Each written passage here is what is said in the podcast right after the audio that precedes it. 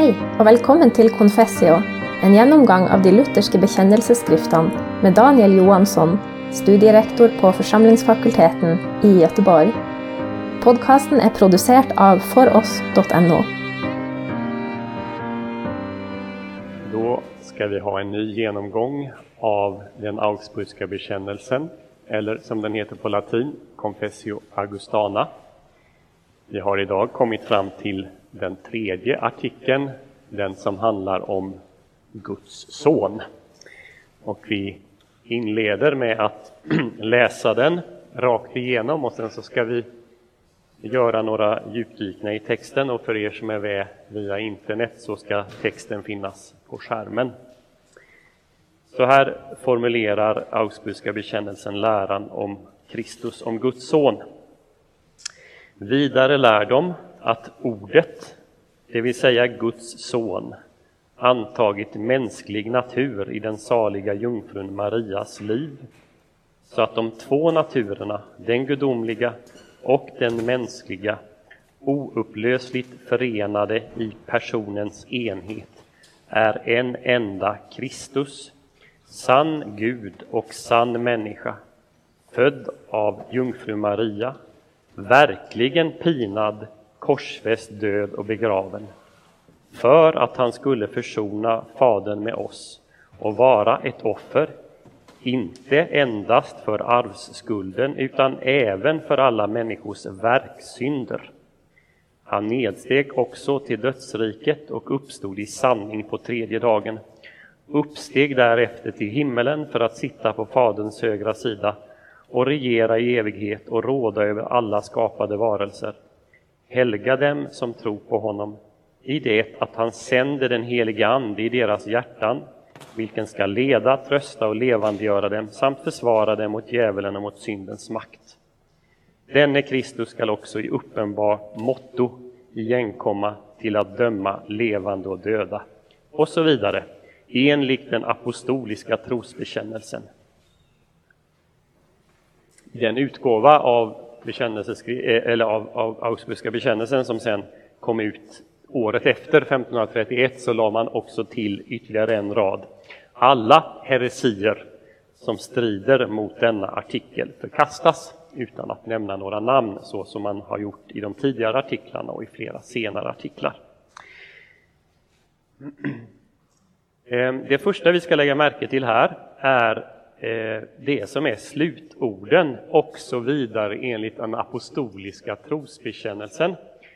Jag hoppas att ni, när ni hörde de här orden, faktiskt noterade att det förekom flera citat ifrån den apostoliska trosbekännelsen.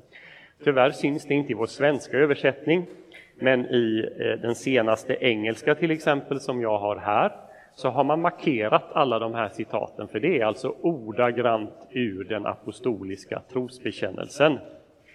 Jag ska bara peka ut eh, några av dem. Eh, eh, om vi nu har samma text här, så på den fjärde raden där det står av född av jungfru Maria, pinad, korsfäst, död och begraven, så är det alla ord som kommer ifrån den apostoliska trosbekännelsen. Han har tagit bort några, lagt till några. Ehm, och så står det ju vidare att han nedsteg till dödsriket, att han uppstod på den tredje dagen ehm, och så vidare, och att han ska sitta på Faderns högra sida. Det här är alltså ordagrant ifrån den latinska eh, texten. Och ehm, varför är det här viktigt? Jo, vi inleder ju den här genomgången av bekännelseskrifterna med att konstatera att till vår lutherska bekännelse så räknas den apostoliska trosbekännelsen, den nicenska och den atanasianska. Och här i början av den augsburgska bekännelsen så har man nu citerat ifrån alla tre. I den första artikeln så står det uttryckligen att man ansluter till den nicenska och hämtar lärdom från den. Där finns anspelningar på den atanasianska, det konstaterade vi när vi gick igenom den. Och nu så kommer direkta citat ifrån den apostoliska. Det betyder att de här tre gamla bekännelserna som, man, som hela kyrkan ansluter sig till, åtminstone i väst, de är inbyggda här i den Augsburgska bekännelsen alldeles i början och det förekommer fler anspelningar senare.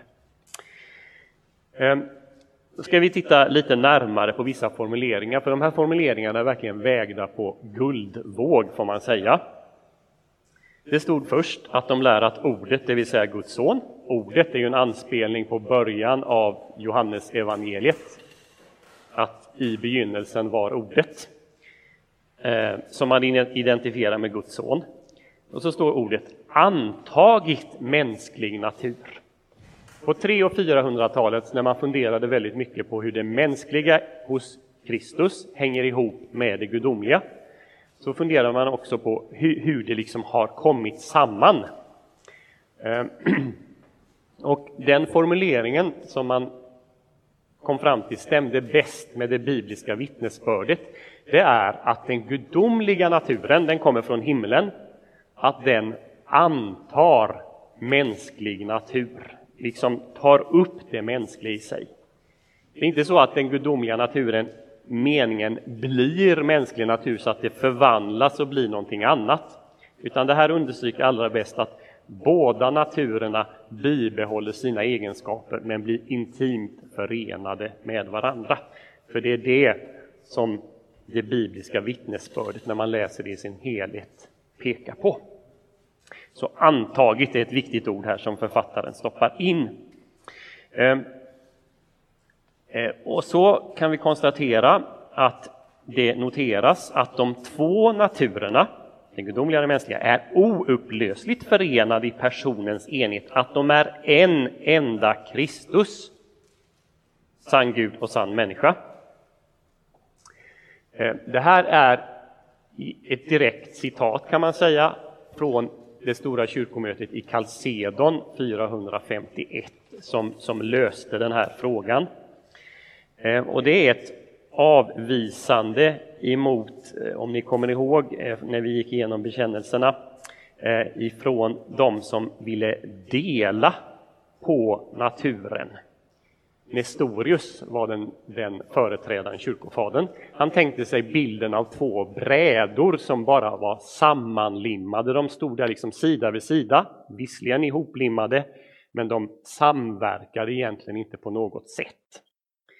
Eh, mot en sådan uppfattning så, så talar man att de är oupplösligt förenade i en enda Kristus. Jag kommer återkomma eh, senare till varför det här blir viktigt. Men det här är också en liten sån här försiktig, kan vi säga, kritik utan att man nämner något namn emot den schweiziske reformatorn Zwingli. Det hade nämligen framgått under de föregående fem sex åren när Luther och Zwingli hade utbytt stridsskrifter om nattvarden, att Zwingli, han tänkte om Kristus ganska precis det som Nestorius tänkte, att naturerna de stod där liksom sida vid sida men var inte riktigt liksom sammanfokade. Eh, och det här blir sen den stora stridsfrågan och är nog det fram till vår tid Eh, mellan lutheraner och reformerta. Jag ska säga mer om det eh, senare också. Eh, Sen lägger vi märke till eh, en sån här, ni vet ibland så eh, när, när någon undervisar eller, eller präster som har en förkärlek för att lägga till saker sådär i liturgin, man är inte riktigt nöjd med precis ordningen som det står utan man vill lägga till någonting. Så, så gör Melanchthon ungefär detsamma här när han citerar ifrån den apostoliska trosbekännelsen när han säger född av jungfru Maria, pinad, korsfäst, död och begraven. Han hoppar över det där med Pontius Pilatus, men han stoppar in ett annat ord. Lägger ni märke till det? Verkligen! Eh, det är liksom för att understryka att han blev verkligen pinad, korsfäst, död och begravningen. Och det var nog egentligen inte eh, för riktat så mycket mot eh, vad ska jag säga, felaktiga läror i samtiden, men mot det gnostiska tänkandet i fornkyrkan, där man lärde att han inte verkligen led eller verkligen blev pinad. Det här är liksom att understryka att Jesus är sann människa. Därför så stoppar han in ordet verkligen. Det är på riktigt som Jesus blev pinad och korsfäst och död och begraven. Nästa sak eh, är väl ett, ett, ehm, ett unikt bidrag. Eh, när vi har om ni tänker efter kring Nicenum eller den apostoliska trosbekännelsen så bekänner vi ju bara, bara och bara, men att Jesus led och han dog. Eh, och att det var för oss på något sätt. Men de säger inte riktigt varför det var nödvändigt för Jesus att lida och dö på korset. Men det stoppar Melanchthon in här nu. För att han skulle försona. Här kommer liksom anledningen till att eh, Jesus dör på korset. För att försona, och notera nu att det står inte oss med Fadern, att det skulle bli något riktigt och att vi har ett problem med Gud. Utan det står försona Fadern med oss. Alltså det finns något hos Gud som måste bli försonat för eh, att vi ska kunna komma eh, till Fadern. Eh, Jesus åstadkommer en försoning som möjliggör för oss att träda fram inför Gud, att på nytt vara i Guds närhet, att upprätthålla, upprätta den gemenskap som fanns i paradiset. För annars så skulle vi förtäras av hans helighet. Eh, och han gör det eh, för att vara ett offer, står det vidare. Försoning, offer. Försoning handlar om att upprätta relation. Offer, det handlar om att utgjuta blod, att dö i någon ställe. Det handlar om ett ställföreträdande lidande, det är bakgrunden här. Jesus tar det straff som vi skulle fått, tar det i vårt ställe. I, I, modern tid så har man ibland sagt, det är en, en svensk teolog eh, som heter Gustav Aulén, han, han menar att, att sagt hos Luther så ville han ta fram den så kallade kamp-segermodellen, det vill säga att Jesus på korset i första hand segrade över djävulen, besegrade djävulen. Och, och det är något som Luther tar fram många gånger. Men här kan vi konstatera att i första hand är inte problemet att djävulen har fått makt över oss, utan problemet är att vi har avfallit från Gud, att det behöver offras, vi behöver eh, få en ställföreträdare så att vi kan träda fram inför Gud. Och när det har skett, då kan också djävulen besegras. Då har han inte längre någon makt över oss. Men den, den sista aspekten här då om, om, om djävulens makt eh, och, och Kristi seger över tas alltså inte upp utan det, det mest grundläggande tas upp här i den Augsburgska bekännelsen. Vi noterar att det var, det var någonting som var riktat då mot, mot de reformerta eller mot Svingli. Eh, nästa mening är faktiskt riktad då mot den, den påvetrogna teologin, för vad står det? Han är inte ett offer bara för arvskulden, det vill säga det som är, är medfött eh, i oss människor.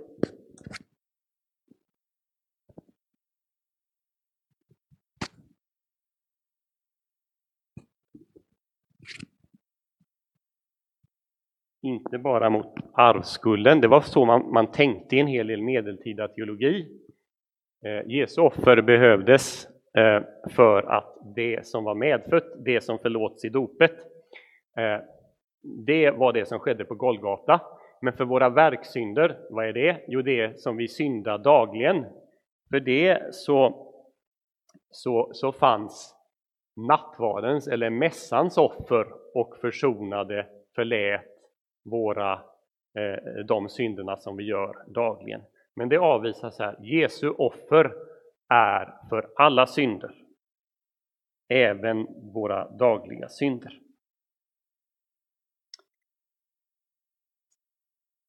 Eh, och så har vi eh, ytterligare ett unikt bidrag här som jag hoppas ni lade la märke till när vi, när vi läste det här. Det står då vidare att han sitter på Faderns högra sida och, och regerar i all evighet. Det är för övrigt en anspelning på det här, den här jag, som jag personligen tycker är den svåraste satsen i den nicenska trosbekännelsen, för den, den, liksom, den, den hänger inte med i, i flödet eh, när, man, när man bekänner den. På vilkens rike inte ska vara någon ände, som alltid kommer där som en svans. På vilkens rike inte ska vara någon ände. Det är det som anspelas på när det står att han ska regera i evighet. Men så kommer det viktiga här. I det att han sänder den helige Ande i deras hjärtan. Så Kristus beskrivs som den som gör två saker här. Han försonar världens synd och han sänder den helige Ande i deras hjärtan som sen ska leda, trösta och levandegöra de kristna och försvara dem mot djävulen och synden. Det här är en anspelning dels på Apostlagärningarna där det står i Apostlagärningarna 2 ehm, Petrus berättar att det är Kristus som från himlen har sänt Anden. Men det är också en anspelning på Jesu avskedstal i Johannes evangeliet där han gång på gång talar om att han ska gå bort för att sända en annan hjälpare. Och den här formuleringen har vi inte heller sett i de gamla eh, trosbekännelserna från fornkyrkan. Men det är något som, som Melanchthon här eh, inför. Eh, och så avslutas den här, eh, precis eh, som den apostoliska, eh, med att bekännelsen till att han ska igenkomma till att eh, döma levande och döda.